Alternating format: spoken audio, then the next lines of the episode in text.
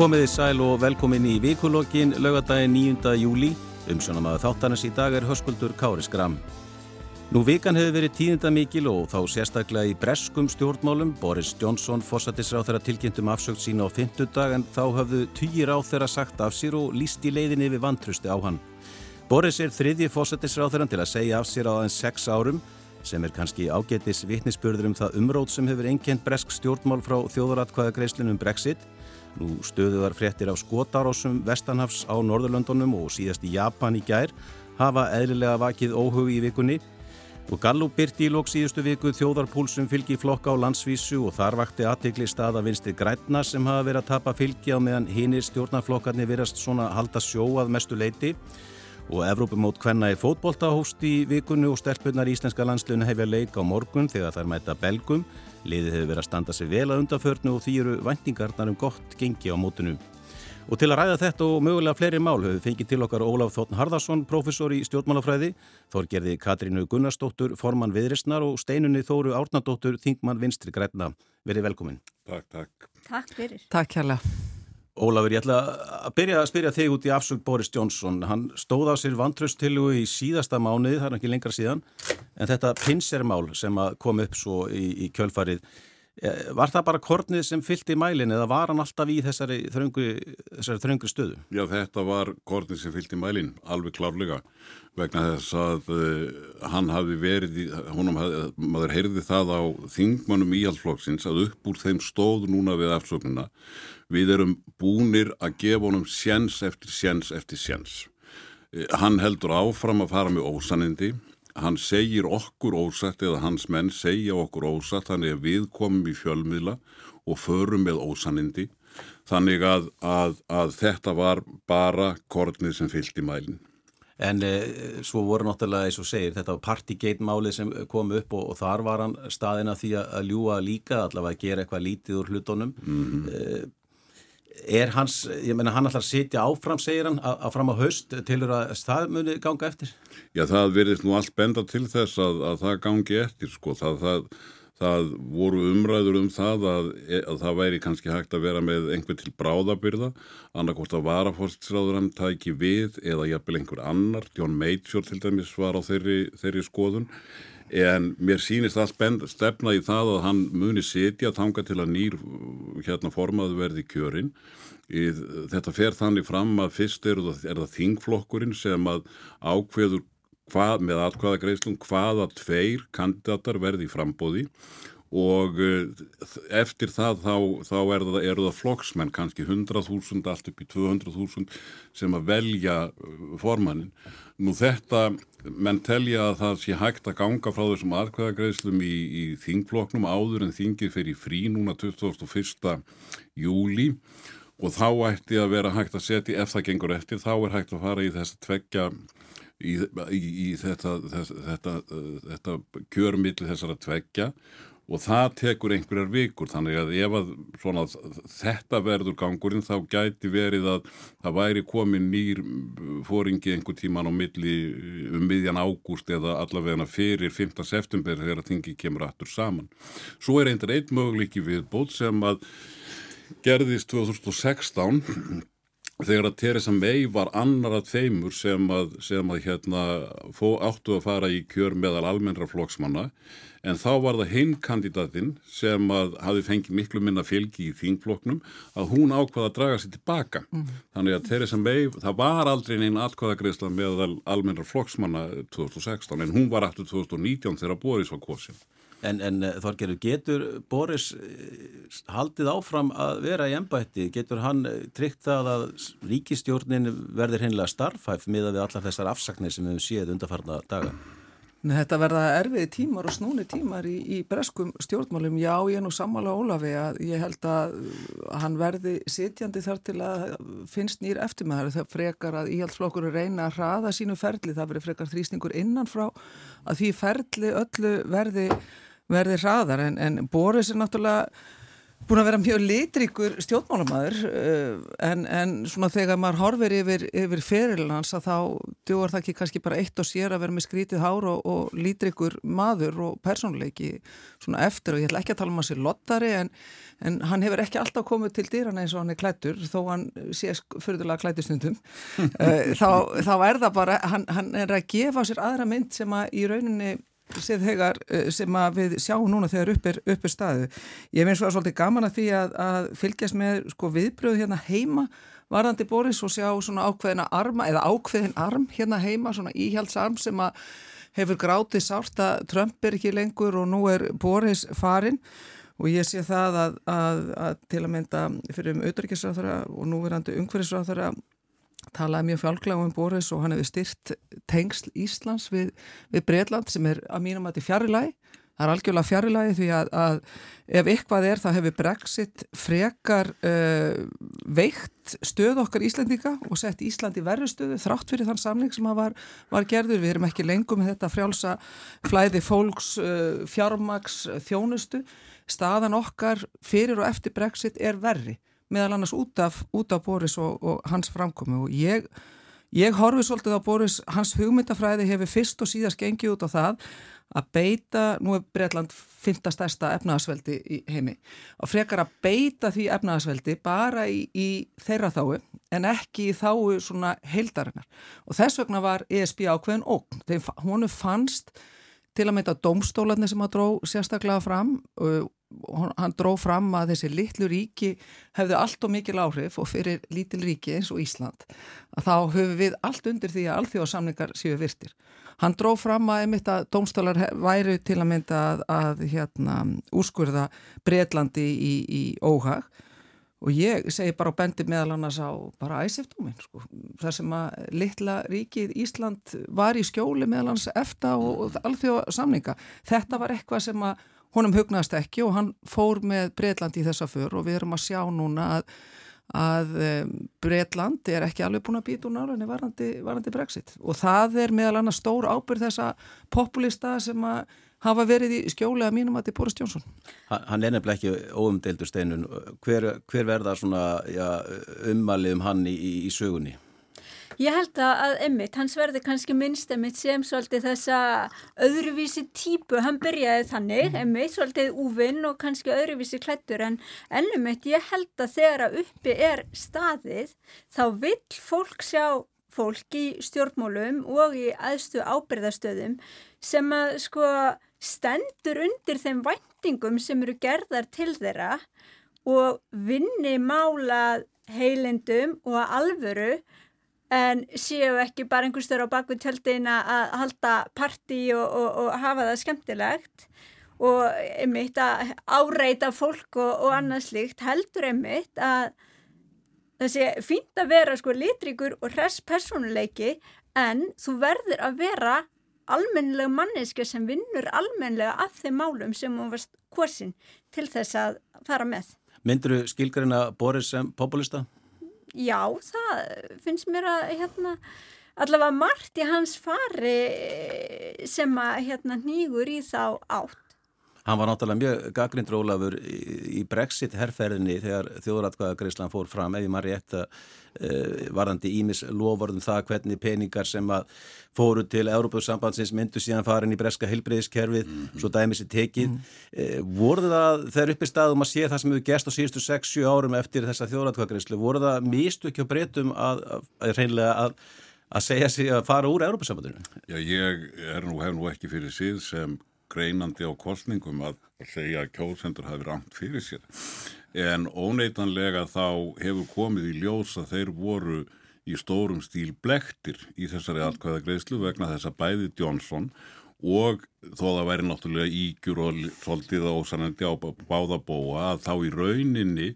voru lovorðin eða fullirðingarnar um hvað myndi gerast ef breytar færu út að það hefur alls ekki reynst rétt og það var til dæmis þessi auglýsing á strætó þar sem að, þar sem að hérna Jónsson var að segja viljiði frekar að þetta fari í,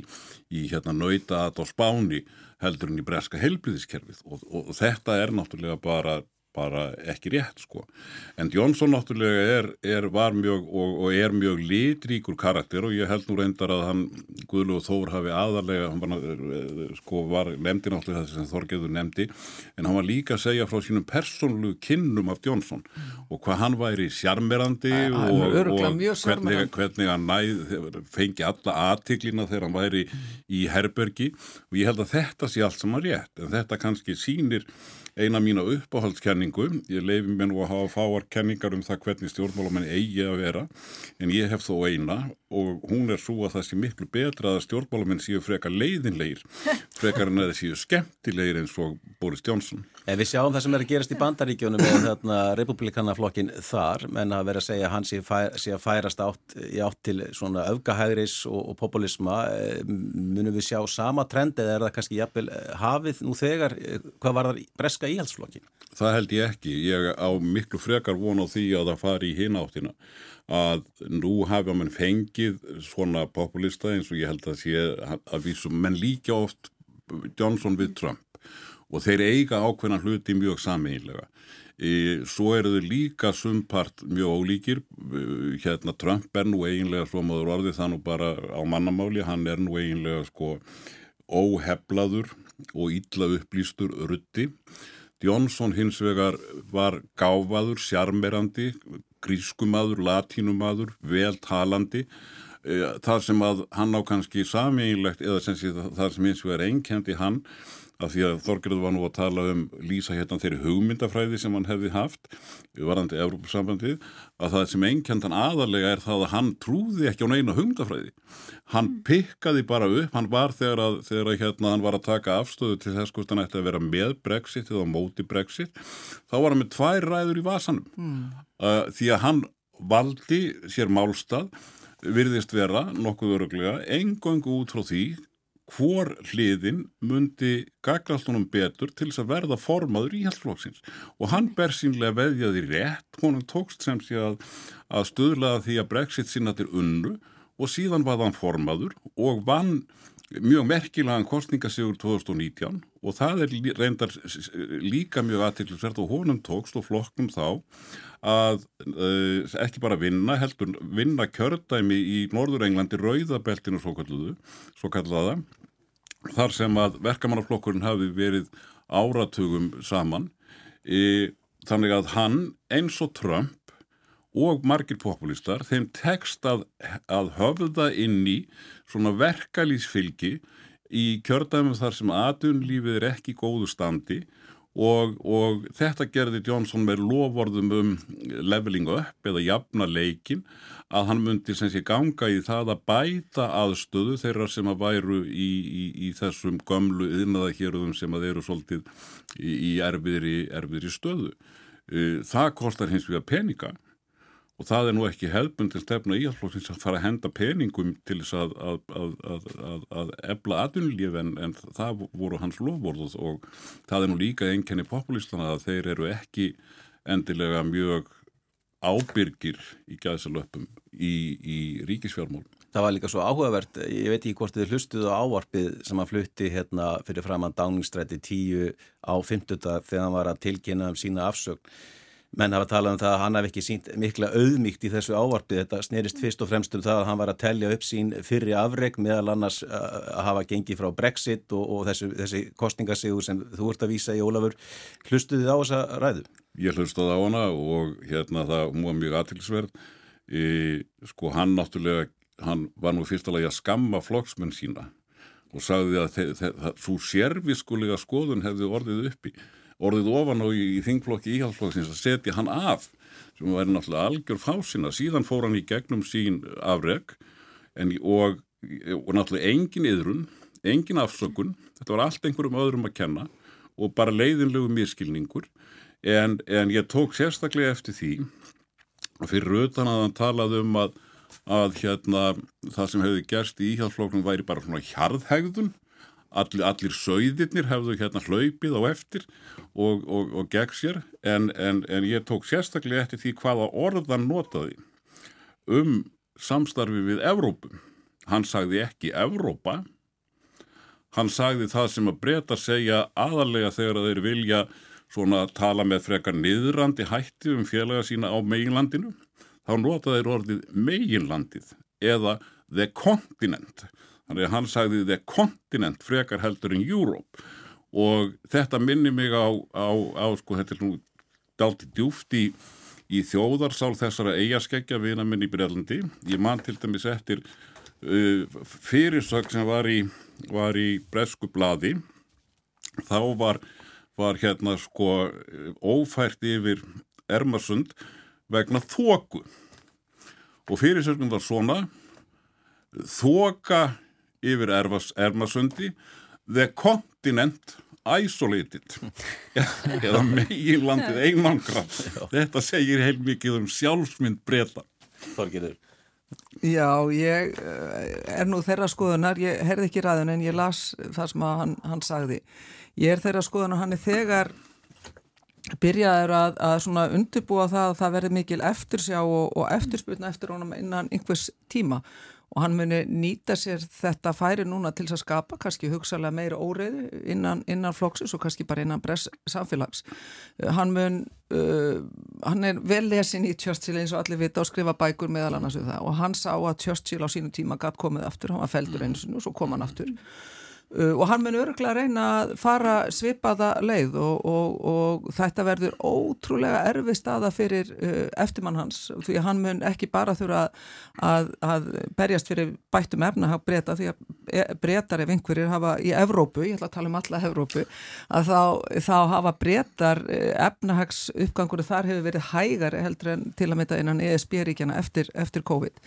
en þannig að eftirmanns hans býður mjög erfitt verkefni. Líka það að hvernig við horfum á að því við erum nú sjálfstæð þjóð og við viljum ég allavega fyrir mína part að ég stið skota eindriði því að, að fá aðra þjóðratkvæðgreislu og það er náttúrulega mjög margt búin að breyta síðan uh, þjóðratkvæðgreislan um sjálfstæði Skotlands var framkvæmdi í mars 2014 uh, Uh, skotar voru eindrið að voru ílega 60% skotar sem að vildu ekki fara út úr Evrópussambandinu. Uh, það er bara reysa breyta fyrir, fyrir skota að fá að taka þá sjálfstæða ákvörðun aftur um það hvort að þeir vilja vera innan viðbanda, uh, stóra breytlands e, eða að verða sjálfstæða þjóð og það er náttúrulega mjög margi skoski þingmenn sem að hefur talað við það sem að þeir sjá fyrir sér uh, það uh, að veri nánara sambandi við Norðurlöndin Uh, og skota þannig að það verði, þú veist, Eistrasaltríkin Norðurlönd og, og skotar myndi svolítið bandalag. Síðan kemur mér heldur ekki á óvart og það er náttúrulega áhuga að verða kostningarnar í, á Norðurlöndi síðustu, það sem að sinn fein uh, hér á árum aður alltaf talaðan um sem politíska arm uh, IRA, um, en sinn fein er náttúrulega búin að vera mjög lengi og er að ná meira hluta á Norðurílandi. Það eru ákveðin tíðindi og mér finnst það ákveðin merkjum það og það kemur ekki óvart ef að við, ef að við sjáum framheldur sem horfir varðandi svona klauvalega framgöngu breyta, Boris Jónsson fyrst og síðast varðandi Norður Írland og, og, og, og uh, tilfærslu eða hvernig ná að fara yfir landamærin og tengjast ESB eða ekki tollar á breskar afurðir eða ekki að uh, við myndum sjá samin að Írlandina kannski 20-30 ára, það er meiri líku núna í dag fyrst mér mm -hmm. að það sé hægt að ræða heldur bara fyrir, uh, fyrir Brexit. Þú talaðu þá um samin að Írland og jafnvel sjálfstætt Skotland. Já, það er, það, er, það er meiri líkind í dag, ég er ekki að segja að það verður endilega, það er mikla líkur en ég finnst það verður að raun að vera talin áður að við sjáum fram á uh, samin að Írland og líka uh, sjálfstætt Skotland og við meðum heldur ekki gleyma því að á Írlandi er bara uh, svona infrastruktúrum þannig varðandi fólksvöldan að, að uh, katholikar eru, e, þeim er all, alltaf að fjölga meðan að, að þeir sem eru uh, tilheyra uh, hérna Bresku biskupakirkjunni að þeir eru, þeir eru færri eða þeim fækkar. Já, ég get bara tekið undir þetta með þorgerði. Ég held að það geti verið einmitt spennandi tímar framundan varðandi mm til að mynda mitt sjálfstæðisbaróttu skota og, og ég er líka sammála því að við getum séð einmitt breytingar á Írlandi, ég held að það kannski geti tekið lengri tíma, tíma en hjá skotanum bara umræðan er á allt öðrum stað hjá þeim. Og ég held að, að það geti verið mjög spennandi að uh, Norðurlönd myndu vinna í auknara mæli með skotum. Það hafa verið, ég hef til að mynda setið í Norðurlandaráði þar sem að hafa komið gestir frá Skotlandi og maður finnur það alveg að það er gagkvæmt í báðar áttir að, að það er áhugi til þess að auka mm. tengslinn og samvinnuna og ég held að það gæti orðið bæði mjög spennandi og myndi einmitt styrkja Norðurlöndin og svo líka skotana í sinni sjálfstæðisbaróttu að, mm. að auka þessi, þessi tengsl. En við erum að sjá rosalegt sko umrót núna á alþjóðsviðinu og hér, það sem ég sakna og, og ég vona Steini Þóra vinkunum, ég verði mér ekki reyðið að segja þetta, ég sakna þess að Íslenska ríkistjóðni síni frumkvæði því hvað við Íslendinga þurfum að gera ekki síst á sviði varnamála og það hvernig við viljum tryggja okkar alþjóðlegu tengsl. En svo ég sagði á þann að þá er þá er likil atriði fyrir, fyrir smáþjóðan eins og Ísland er að alþjóðasamningavirki. Okkar skjól er í stóru heildinni. Við megum okkur lítil skakvart, já, samningum við breyta, við fáum einhver framgengt þar, eða í samningum við stóru fyrirtækin eins og Google og Apple og eitthvað sem er alltaf geta hér á, á heimsviðinu. Evrópussambandi má þá eiga það að þau eru að reyna að spyrna við ofur valdi, þessu ægi valdi þessara, þessara stór heimsfyrirtækja og ég sakna þess verulega að í ljósi meðal annars eh, innrásar og ábeldis rúsa gagvart, gagvart uh, Úgrænu að við höfum ekki tekið hér frumkvæði hér innanlands að því hvernig vörnum okkar eigi að vera hátta. Við höfum tekið þátt lámars uh, samþykki öllu sem að NATO er að gera og allt það. Við erum ekki að gera eins og svíjar og finnar sem hafa farið það mjög hratt á undraskömmu tíma. Finnar tóku bara einhverjar sex vikur í það að meta það að það veri betra fyrir það á sækjum yngungu heldur en að vera fyrir utan. Uh, við erum að sjá normenn fara í dýbra samtal innan NATO varandi vartinnar, er að fara í auki samtal líka við Európusambandi varandi varnir. Danir eru búin að aflétta núna með þjóðratkvæðagreislu uh, fyrirvarunum um það að þeir ætti ekki að taka þátt í, í varnarsamstarfiðina ESB. Sá hluti Európusambansins mun bara aukast og við megum heldur ekki gleyma því að þegar Európusambandi var stopnað á sínu tíma undir miklum stuðningi og eiginlega þrýstingi frá bandaríkjónum. Uh, það var að stopna til þess að varvita frið, frelsi og marrettindi í Európu. Og það var gert með því að segja, jú, við ætlum líka að tryggja efnahagslega velferð og lífskeiðu fólksins í Evrópu með því að opna fyrir markaði, tryggja það að það veri frelsi á milli þjóða og með því að auka viðskiptarfrelsi þá auka lífsgæði fólks, þá eru meiri líkur en minni að við aukum frið í, í, alfunni. Og það gekk eftir. Við eigum eftir að fara í þetta, já,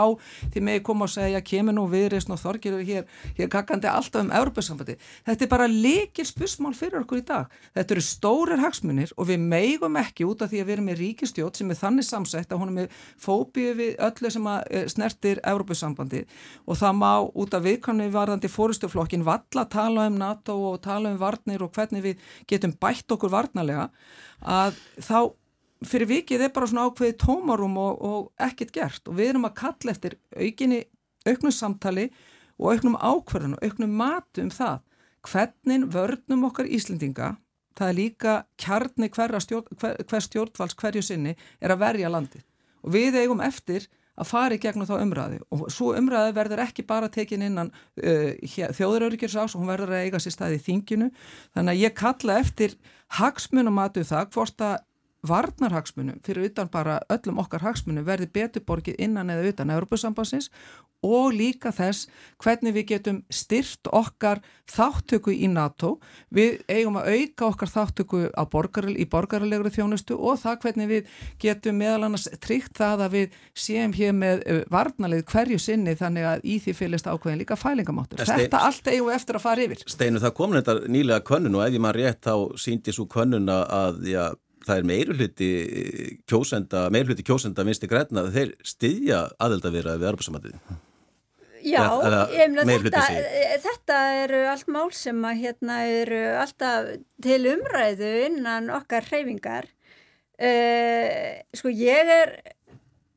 bæði sammála og ósammála þorgerði Katrínu. Ég held að sko, við í vinstri grænum viljum bara fara alltaf aðra leið en þá sem að viðreysn er að tala fyrir hérna, ég held að samvinna millir þjóða sé alveg gríðarlega mikilvæg. Hún er alveg gríðarlega mikilvæg fyrir uh, þjóð eins og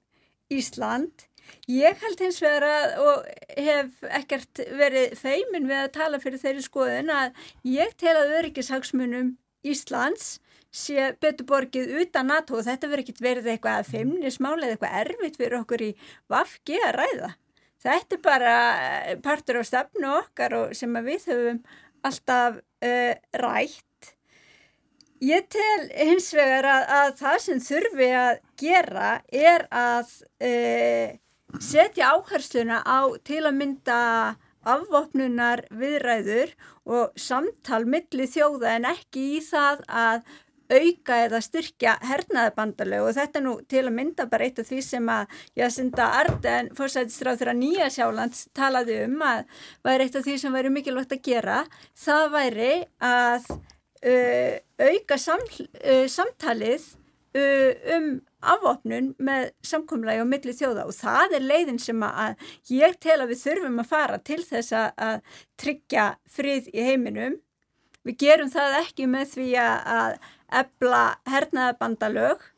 heldur gerum stríð hafa alltaf uh, á endanum verið leist með fríðarsamningum og ég tel að við eigum að fara beint þangað. Í að tala um það hvernig við getum undið ofan að hlutum en ekki að setja fókusin á aukin útgjöld til hernaðamálana vegna þess að það er einfallega það sem ég held að skili mestu þegar að uppi er staðið og hafi minnstan fornakostnaði formi mannslífa til að mynda. En ég finnst nú, sko, einmitt svíjar og finnar hafa svarað þessu mjög skýrt. Þeir telja sínu öryggi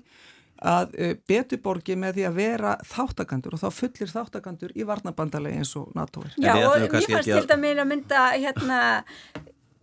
ef að ég hefði verið íbú í Finnlandi eða Svíþjóð þá hefði ég nú mjög gertnan vilja að það hefði farið frá þjóðatkvæðagreisla um það hvort er ætti að ganga í NATO eða ekki. Og ég held að við þekkjum það við sögunni hérna heima að það eru ákveðin, já bara sár sem að enn eru ógróin vegna þess hvernig staði var að ákveðantökunni hérna en það er rétt að ríkistjórnum þessara landa komist að þeirri niðurstöðu að sækja um aðelda NATO það Uh, þýður ekki að það sé ekki aðra rattir uppi innan þessara landa um það hvernig þeirra öryggisaksmunum væri betur borgið. En við ætlum ekki að dvelja á lengi uh, við þessa umræðu það sem er áhugavert og þið eru að tala um þessa allþjóða samfunnu og ég beini kannski þessa spurningu til þín Ólafur. Uh, við erum að sjá vandragang hjá þessum helstu leitum hinn að vestrarna ríkja. Það er þetta upplöstan ástand í Breitlandi. Makrón er náttúrulega klíma við vandraði eftir ósigur í þingkostningunum. Uh, við sáum að Ólaf Sjúls er já, verða fyrir stöðu, stöðut meiri gaggrinni. Þetta eru svona helstu hinn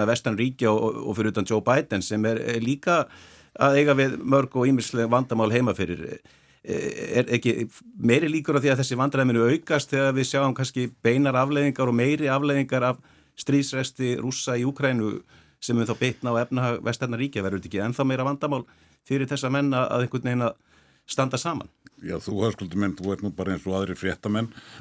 hafi mestan áhuga á einhverju fréttnæmu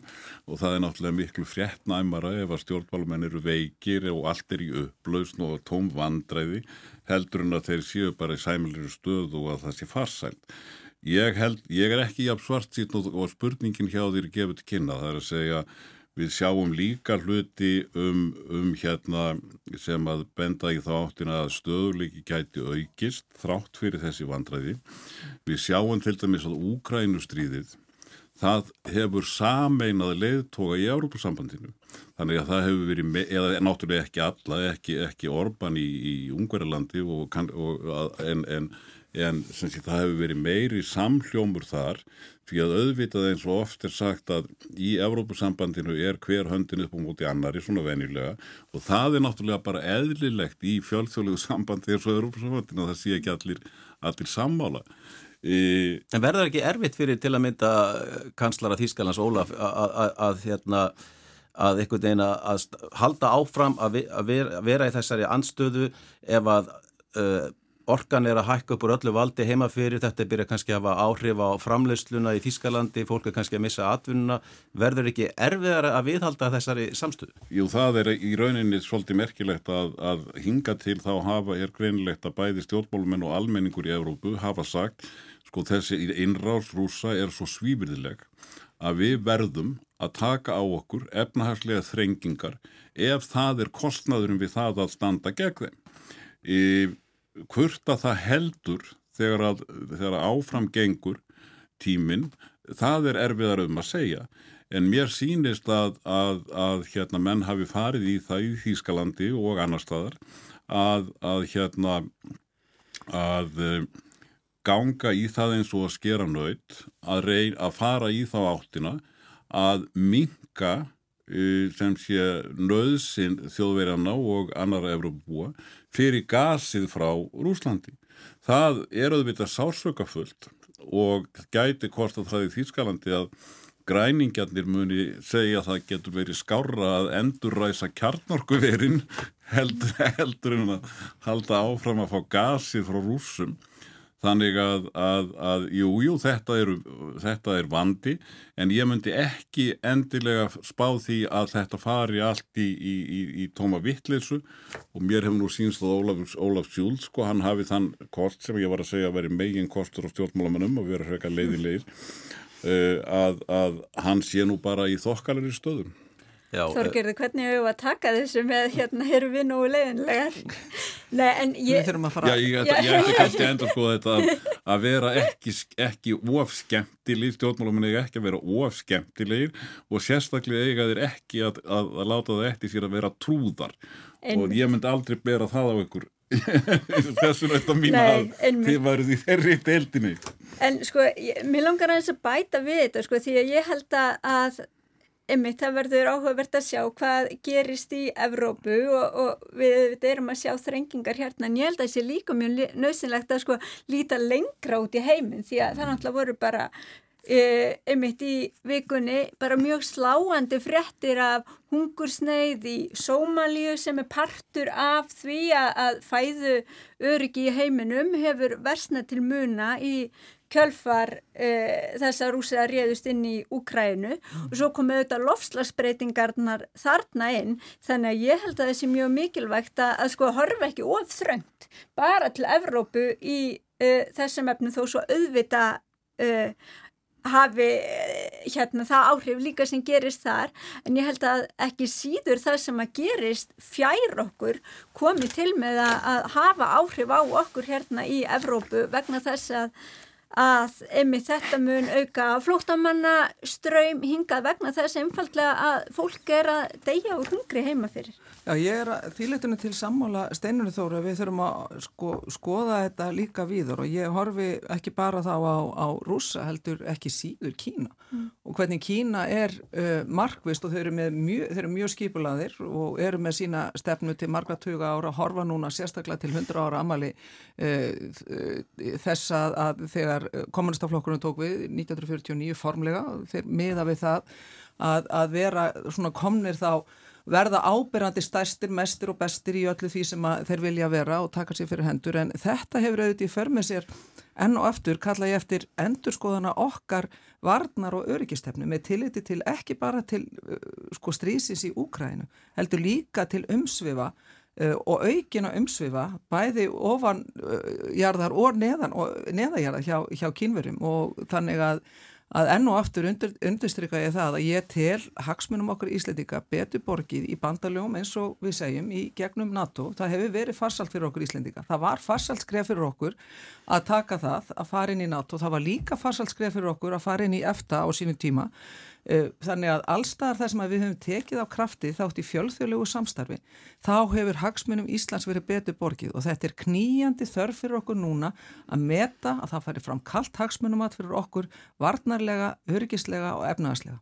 Einmitt, eh, það var líka í fréttum hérna í vikunni við uh, sáum fréttinnar af því sem gerist í Kaupmannahöfn, þessi skotarás þar, uh, vikunnar þar, held ég, viku þar á undan, cirka þá var þessi skotarás í Oslo, uh, svo var skotarás í Bandaríkjunum og, og í gær var fyrirvændi fósættisráð þeirra Japans skotin til bana. Við hefum verið að tala um þetta hérna í, í fréttum að, að ég er möguleiki að eitthvað svona geti gest hér á landi og umræðan hefur snúist að einhverju leitu um vopnalögjöfuna hér sem margir telli að sé mjög fín og, og nokkuð ströng svona með að vönnu lönd en að því ég er með svona tvo stjórnmála menn hérna við borðið Já, hver er ykkar skoðunsteinun í Vafki? Viljið þið og tellið þið nöðsilegt að endur skoða og jafnvel herða vopnalögjöfuna hér á landi? Já og, og Katrín, Jakobsdóttir fórsettisráður hefur nú alveg talað fyrir því að það sé farin í gang vinna við það að, að skoða hana. En ef þú spyrð, getur þetta gerst hérna? Þá já, því mýður og við höfum bara hreinlega séð það að það hefur verið skotið á uh, bíla og mannverki sem betur fer þá hefur enginn látið lífið í þeim árásum en já það er alveg greinilegt að, að við erum ekkert uh, öðruvísi en aðrar tjóðir og ég held að það sé einmitt full ástæða til þess að uh, fara yfir og þrengja uh, vopnalaugjöfina sérstaklega þegar kemur að skotvopnum En líka einmitt að sko bara efla umræðuna mm. um þetta að sko við erum ekkert öðruvísi en uh, umheimurinn. Ekki spurning, við höfum að fara, sko löggefin í dag tekur, getur ekki tekið mið af einhverju veröld sem var fyrir 10, 15, 20 og jáfnvel 30 árum. Hún er allt önnur, heimurinn er það mikið að breytast og ógnir er að verða öðrivís í dag heldur, heldur hann á árum áður og það er bara, ég mun stýðja Ríkistjóðuna eindriði því að endur skoða þessa vopnalögjöf og meta einmitt þessar hættur sem við höfum hér innanlands og við erum með náttúrulega öflugar deildir og, og svona stóð stopnanir í, í þessu sem eiga að hafa einmitt sérfræðiþekkingu til þess að, að leipin okkur hvað er best að gera. Þannig að já, ef að svarið spurningin er svo eigum við að, að skoða þetta og jafnvel herða, já við eigum að gera það, við eigum að gera allt til þess að, að tryggja öryggi borgarun að hafa hér friðsalt og farsalt samfélag. Ólafur, fólk hefur bent á að þetta sé samfélagsmiðlum eh, að kenna þessi hatursglæpir sem við erum að sjá að viða að þetta sé út af því að það er óheft umræða á samfélagsmiðlum þar sem að svona eh, fær einhvern veginn að, að, að, að vaksa og dafna á þess að nokkuð sé að gert. Eh, er þetta bara beina aflegging samfélagsmiðla og, og svona hatursumræðu þar?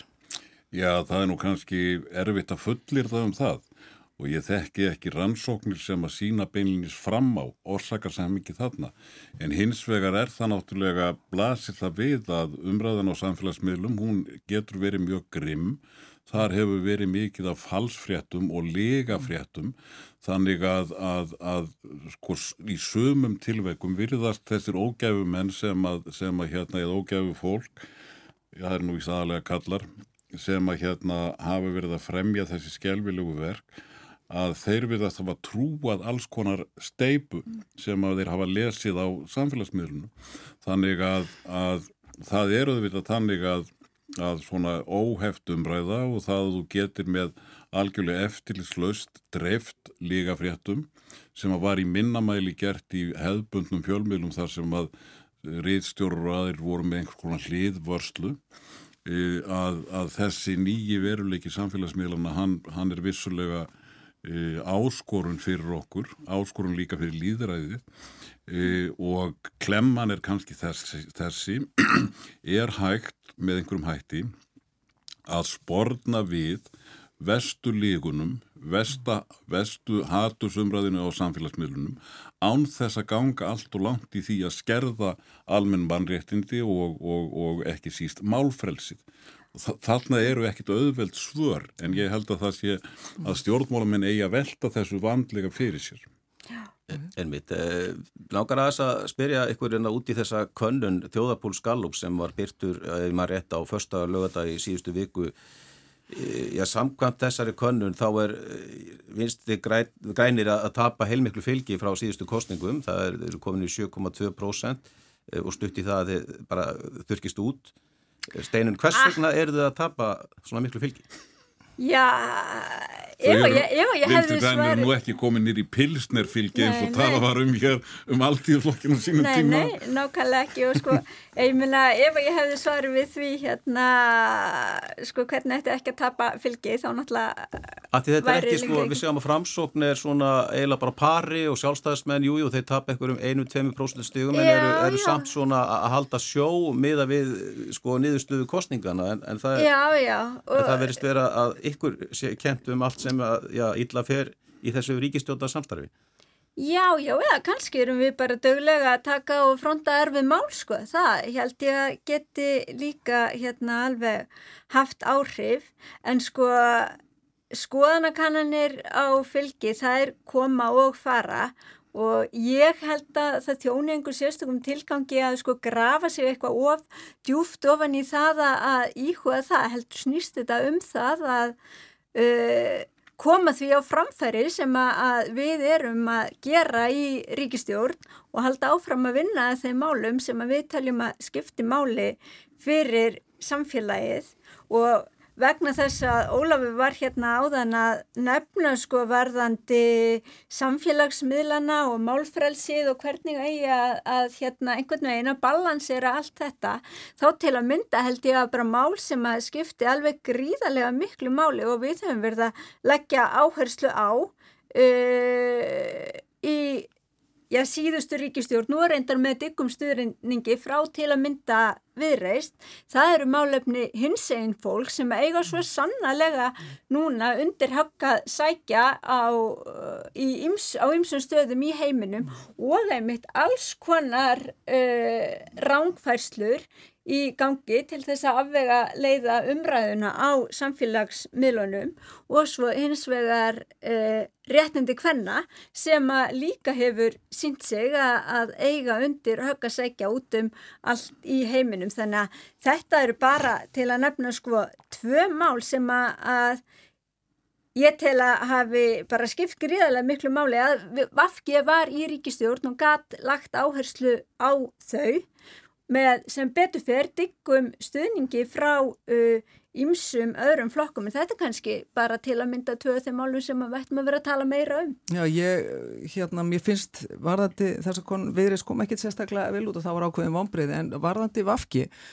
Já, útskýru samt að aðeins nánar. Akkur ég... gengur ykkur svona illa að styrkja ykkar stuðu? Þeir eru búin að vera í stjórnar anstuði núna í fimm árum að myndi halda að, að þið gætu þá einhvern veginn svona sótt uh, fleiri kjósendur en, en það er ekki að gangu upp. Nei, þetta er eins og ég segi, þetta er ákveðin vonbreyði og við þurfum ennfrekar að skerpa, við erum ekki að fara frá uh, Evrópu og alþjóða hugsunni, við þurfum að skerpa ennfrekar þar. Við erum ekki að fara frá því að, að, að undirstryka efnaðslega stöðuleika og ábyrði ríkisfjármálum og það eru auðvitað sóknafæri og við þurfum bara að hugsa það þegar er, þegar við horfum fram á ríkistjótt sem að ítrekka leggu fram uh, fjárlagafrömmvarp og fjármára áallun sem að býður upp á ennfrekari skuldasöfnun, upp á ennfrekari fjárlagahalla er að velta byrðinni yfir á næstu ríkistjórn og það er meðal annars samtöku aðrunlífsins að segja BHM og, og fjármálaráð. Þetta er eitthvað sem við þurfum að skerpa okkur ennfrekar í. Það er, ekki, það er ekki spurning og við eigum að nýta þessi sóknafæri að því mér minnum meðal annars í konunu þinni, Ólafur, að, að þá er mjög uh, sterkur undirtótt með einmitt aukinni alþjóðahyggju og markashyggju og þar eru okkar sóknarfæri, við höfum talað mjög fyrir, fyrir uh, valfrelsi meðal bæði í skólamálu en líka í helbreyðsmálu, við þurfum að skerpa þann málflutningu okkar en frekar og síðan höfum við eindriði stutt meðal annars og þess vegna tók ég undir með, með steininu þóru, við höfum stutt vafki í því að, að, að tala fyrir innan ríkistjóðan meðal um mannréttindi, um hvernfrelsi, það var lagt til að mynda fram frumvarp á síðasta ári sem að jók ennfrekar á kvennfrelsi, þungunarós frumvarpið og þar að sjálfsögðu stuttu við, uh, við vinstri græn en einn stjórnaflokkurinn sem við sjáum ekki refsa fyrir það, sjálfstæðisflokkurinn meirinn helmingur þingmanna flokksins greiti aðkvæði gegn þessu máli, þar meðal uh, formaðar flokksins. Uh, þetta er bara dæmið það sem við þurfum að draga fram og það er verkefni okkar. En við munum ekki fara frá okkar kjarnastefnu, við munum tala fyrir hennu og við þurfum að berjast fyrir henni enn frekar. Og ég segi sérstaklega núna á þessum tímum að þá verður við að fá fólk til þess að hugsa hvar hagsmunum Íslands er best borgið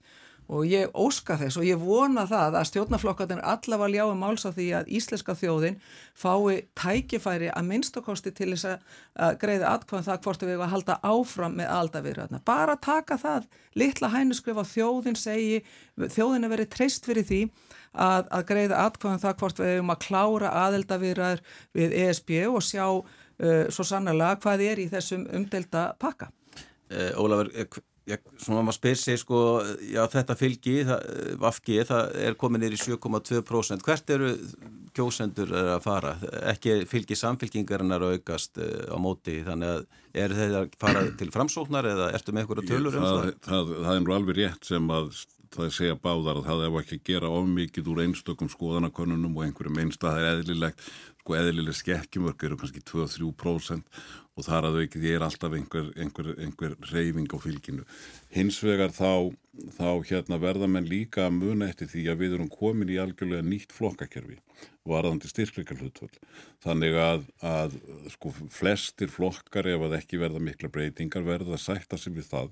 að vera með fylgi segjum á bylinu 7-15% ef að kerfi heldur áfram eins og er þannig að það að vera að fá 8, 9, 10, 12% þó að mann viljaðu þetta að fá meira að það er ekkit endilega mjög vond niðurstaða og þýðir ekki endilega flokkurinn sé að klúðra einhverju rosalega miklu. Samkeppnin verður allt öðruvísi þegar flokkarnir eru svona margir.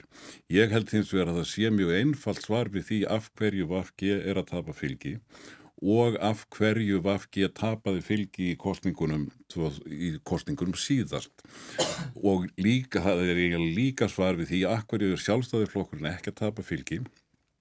Og að hverju er framslokk eða litlu, hann er nú að hefur verið aðeins að tapa hann út að fara í sjálfstæðiflokkurinn en, en, en í rauninni sko koma betur út bæði frams, og framslokk sérstaklega sko heldur en, en VFG Og ég held að megin svarið og það, þá vísa ég í kostningaransóknir okkar þar sem við skoðum sko bæði hvernig, hvernig hérna kjósendur færast á milli flokka og líka hvers konar viðþorf kjósendur hafa ekki síst til hægri vinstri. Að ég held að megin skýringin sé bara svo að kjósendahópur VFG er allt öðruvísi heldur en kjósendahópar sjálfstæðiflokksins og kjósendahópur framsóknarflokksins. E, milli framsóknarflokksins og sjálfstæðiflokksins hafa kjósendur gerðnan verið að færa sig á milli. E, það eru nánast engir kjósendur sem færa sig milli VFG og sjálfstæðiflokksins. Við hverja er VFG í samkeppni um, um atkvæði? Það er fyrst og fremst, þeir eru fyrst og fremst í samkeppni núna auðvitað við sósilistaflokkin sem að tók, tók, tók sko kannski þriðjunga sínu fylgi síðast frá Vafge þeir eru í samkeppni við Vafge er í samkeppni við samfylkinguna. Þeir eru í samkeppni við, við hérna píratana og þeir eru í samkeppni við flokk fólksins og jafnvel við framslokknflokkin og viðrist þeir eru ekki í samkeppni við sjálfstæðiflokkin og akkverju vegna þess að þegar við skoðum viðþorfin, sérstaklega hægri vinstri viðþorfin, þá hafa kjósendur Vafge mjög ólík viðþorf á hægri vinstri kvarðanum um hlutverki íksvaldsins, skatteimtu og hvað hann nú er miðað við kjósendur sjálfstæðiflósins. Þannig að, að, að, að hérna, það var vita þegar þessi stjórn var myndu 2017 að auðvitað mjög óvenjuleg stjórn þar sem var ekki ákveður að fara í stjórn með sjálfstæðifloknum að það mundu ímsir innan þess floks e, vera óvanaðir með það. Og ég átti von á því þá og sagði e, sko þegar hún Katrín myndar þessa ríkistjórn þá veit hún auðvitað að þetta er bara ávísun á eitthvað tap í næstu kostningum og ég mata þannig að Vafge væri bara tilbúið í þann fórnarkostað vegna þess að það að fá fyrsta vinstri sósilistan sem fórsettisar á Íslandi er náttúrulega meiri hátta tíðindi. Og svo geta mér auðvitað sagt við getum komið einhverju málum fram í, í, í svona ríkistjórn en þeir máttu vita þá, ég held að þeir hafi vita það að þeir myndu sen, að þetta myndi koma niður á, niður á þeim í næstu kostningum en eftir, eftir kostningarnar heldur þetta síðan bara áfram og, og, og emmaður eru rínir í þessar niðurstöður ég get líka bætt við að við sáum að, að, að, að þeir sem að þeir sem að uh, höfðu verið lengst til vinstri í Vafge í kostningunum 2017 þeir voru að flýja núna yfir á píratana og yfir á sósilistaflokkin og við sjáum það líka þegar að kjósendur eru spurðir beðnur um að, um að, hérna, að, að setja flokkana á svona hægri vinstri kvarða, þá hafði Vafge og allþýðu bandalega undan alltaf verið lengst til vinstri í íslenska kerfinu. Núna upplifa kjósendur þá þannig að Vafge hafi færst verulega nær miðjunni og þeir eru settir á vinstri hægri, hægri kvarðan á svipaðan stað og samfylgingin og og hérna og, og píratarnir og þú við sjáum það en- líka þegar við skoðum viðhorf VFG kjósendana að þau hafa færst til vinstri og það er náttúrulega vegna þess að, að vinstri sinnuðustu kjósendur VFG frá 2017, þeir hafa farið annað. En þú talar um nýjan veruleika í íslensku stjórnmálum, við höfum svo sem alveg rætta á síðustu árum að, að það hafa náttúrulega orðið þessar breytingar að við erum að sjá miklu fleiri flokka sem er að bjóða fram og fleiri flokka sem er að ná en manni á þingi. En er þetta gott kerfi fyrir þá kjósendur sem er að greiða atkvæða sitt eh, flokkum sem ekki ná en manni? Þetta eru 10.000 atkvæða sem eru að tapast eða glatast út af þessu. Nei, það er ekki gott fyrir þá, það er ekki gott að kjósa og fá engan fulltrúa en eh, við, það er vegna þess að við erum með þröskuld sem okkur er hann 5% og þröskuldar eru hugsaði til þess að reyna að auka þeim stöðuleika og hafa einhvern heimil á flokkafjöldanum. E, við erum með 5% eins og þjóðverjar, e, svíjar og norðmenn eru með 4% þröskuld fyrir jöfnarsæti, danir eru með 2% og e, það má, þetta er endalust áritamál Já. hvort það eigi að vera þröskuldur og hvaðan eigi að vera hár en, en, en hins vegar sko þó að, þó að við séum með 5% þröskuld, svíjar og norðmur með fjögur og danir bara með 2 þá eru nú flokkallar í Danmörku ekkert mikið fleiri heldur en hjá okkur. All, öll þessi lönd eru komin með flokkakjörfi þar sem eru 8-12 flokkar. Ég myndi nú byrja allavega, vilja byrja á því að jafna vægi atkvæða og gera það strax. Við í viðreysnum erum búin að lækja fram ítrekkað frumvarp um að jafna vægi atkvæða. Ég held að það missétti þurfa að leiðrétta fyrst af, fyrst af öllu. Þannig að eitt maður, eitt atkvæði verði svona líkil eða svona kjarnin í okkar kostningakerfi. Það er alveg líkilatriði og það er náttúrulega sko mesta svífirðan frá mínu sjónamiði er þó það að, að sko að það hefur ekki tekist í síðustu fernum kostningum að Að, Mm. að flokkar fái þingmannatölu í samræmi við atkvæðatölu óþolandi. sem að varð algjört samkómulag um hér 1987 og var sögulegt samkómulag en menn hafa heikst á að gera þessa, gera þessa breytingu en auðvitað á að jafna atkvæðisréttin og við uh, gleymum því ofta að, að okkar atkvæðisréttur er, er, er miklu ójafnari heldur en í flestum nákvæmlega löndunum sem við viljum bera okkur saman við. Í, og það er helst í Noregi sem að, sem að hérna er svona verið svolítið að hyggla landsbyðinni en við höfum verið mistarar í okkar deild varðandi þetta. Það er ekki eftir svona verið titill. Steinun, hérna, flý, tíminn flýgur frá okkur eins og venjulega en, en við langaði örlítið að ræða um hérna kvalveiðar. Nú var Svandi Svavastóttir flokksistið þín að breyta reglugerð og vil auka eftirlit eh, með kvalveiðum til þess að koma, já til þess að geta allavega komið veg fyrir að uh, að dýrin sé að kvæljast og mikið. Mm. Ertu sammálað þessum breytingu sem hún er að leggja til og, og hver er afstæða þín til kvalveiða? Já, ég vil nú byrja á því að segja að mér, ég er algjörlega sammálað þessum breytingum sem Svandís er að, að leggja til og, og mér finnst það að vera bara í takti við tíman. Uh, það er snúað dýra, dýravelferð. Við hérna erum með uh, skrifað einn dýravelferð varðandi önnu dýr sem við erum að, að nýta okkur til fæðu. Uh, þannig að ég held að, að þetta sé bara já, mjög tímanlegt og, og gott. Mín persónlega afstæða til kvalveiða er svo að ég tel þar óþarfar. Það er þjóna ekki efnahagslegum tilgangi og ég held að, að það sé bara í kvölda efnahagslegu ljósi uh, jafnvel aðkvæmara að, að hérna nýta kvalina til þess að skoða þá. En það er reglur sem eru í gildi núna varðandi kvalveða gilda hvað? Til ásins 2023 og þá held ég að þetta verði tekið og, og skoðað allt saman í, í svona hennu stóra efnahagslega samhengi. Já, þetta er tvímannlist rétt skref, þetta er spurningu dýravelferð og þetta er rétt skref en við gerum okkur líka grein fyrir því að ef að,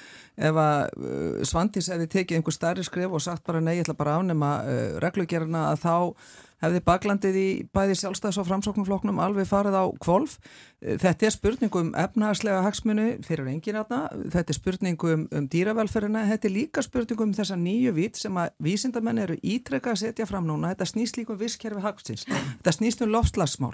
þannig að það er komið miklu starri breyta sem hefur meiri þunga til þess emmitt að við getum nátt meðal annars þessum, uh, þessum uh, viðmiðum okkar þegar kemur að, að lofslagsmálum. Þannig að, að ég hefði viljað sjá þessu hætt núna og, og hætta þessu þessu degri í kringum eitt fyrirtæki. En eins og ég segði að þá er tíminn að fljúa frá okkur og, og mér langaði örlítið að ræða hérna um uh, Evrópumót kvenna í fótbolta sem hóstu vikunni. Kemur loksins að því. Já, ég segi það. Mestu máli skiptir. Og, og Ólafur, það var það sem kveikt í manni. Þú ert mikill áhuga maður um fótbolta og þetta er spennandi mót og liðið okkar er gott. Uh, já, heldur að þetta lið nái langt? Já, það, það er held í full ástæð til að vera bjart maður veit að við svo aldrei en það, liðið er mjög gott og ég var nú að rifja það upp sko að ég fór með konum minn og eldri yngri dóttur á fyrsta eh, Evrópamóti hvenna sem að Íslandingar voru, þar sem Íslandingar voru í úrslutakefninni í Finnlandi 2009 og það er mjög gaman að sjá munin á umhverfinu þá gæðum fókbóltans þá og hvernig það hefur sem sé orðið þessa stórkortlegu framfærir sko. E, þegar við vorum hótt í Finnlandi þá voru, voru nú ekki margir íslendingar og flestir voru ættingar leikmanna í liðinu. Og Hjördis kona mín var alltaf spurð heyrðu, hver, hverri er þú skild? og, og við vorum eiginlega einu sem vorum ekki skild neittni þannig að, að núna er þetta allt öðruvísi og, og, og rosalega skaman að fylgjast með tróunin í kvennapoltanum líka bara hér innanlands. Framfæriðnar í gæðunum til dæmis eru rosalega miklar og það er eiginlega fyrir minnhatt kannski enn skemmtilegur að horfa á kvennaboltan heldur en á kallaboltan og leikitin sem við höfum séð hinga til hafa verið margir það eru rosalega fín lið þarna Steinun, erst þú spennt? Sko, ég, hérna, enginn sem þekki mig myndi, hérna, trúi því að ég færi að tala mig upp sem einhvern æstan fótbolta áhuga mann. Hins vegar, þá uh, fór ég nú á tvo leiki í Hollandi 2017 með mm -hmm. uh, kvennalandsliðinu og fannst alveg gríðarlega skemmtilegt. Ég er hérna bara að sjá alla umgjörðina að sjá fólkið sem kemur á völlin -hmm. og, og hérna þannig að ég alveg sko hrýfst með í, í því og svo finnst mér líka svo gaman einmitt að spá í öllu þessu samfélagslega í kringum þetta eins og það að í einhverju hlaðvarpstætti og Guardian var verið að tanna um það hvað þetta væri merkilegt að væri fimm konur í liðinu sem væri mæður þannig að mm. ég er alveg sko spennt Þorgerir. Já, ég er náttúrulega gríðarlega spennt og hérna þetta er náttúrulega ótrúlega gaman að fylgjast með þeim og ég, ég get svo sem sagt, sagt að, að ég held ég hafi sem íþróttamálur á þar á síðan tíma 2006 minni með að hafi verið þá verið fyrstir ráþurinn að leik í útlöndu með kvennalansliðinu og það var í Slóveníu, í Slóveníu, Ísland og það var skemmtilegt að gera en bara komandi frá þeim tíma og síðan núna þetta er ekkert langur tímendilega en það sem að mér finnst hafa gæsti það er svo miklu meiri fagmeska, það er svo mhm. mikil metnaður mm -hmm. það er betra utanumhald mm -hmm. og við erum með þessa stórkastlugu fyrirmyndi sem að þessar, þessar stelpur, stelpunar okkar, okkar eru og þetta eru fyrirmyndir bæði fyrir stelpur og stráka og mér fannst gott að finna líka í viðtalunum við að Þorsten Haldursson landslýsþjálfara að hann var ekki að tala um í rauninni einstaklingana, hann var að byggja upp liðsildinu og bara áfram Ísland. Hegir, hegir. Já, við erum því miður búið með tíman Ólafur, Þorgerður og Steinun takk hjá fyrir komuna. Vikulokkin verða á sínum stað næstkomandi lögadag. Við tökum fyrir okkur. Verðið sæl.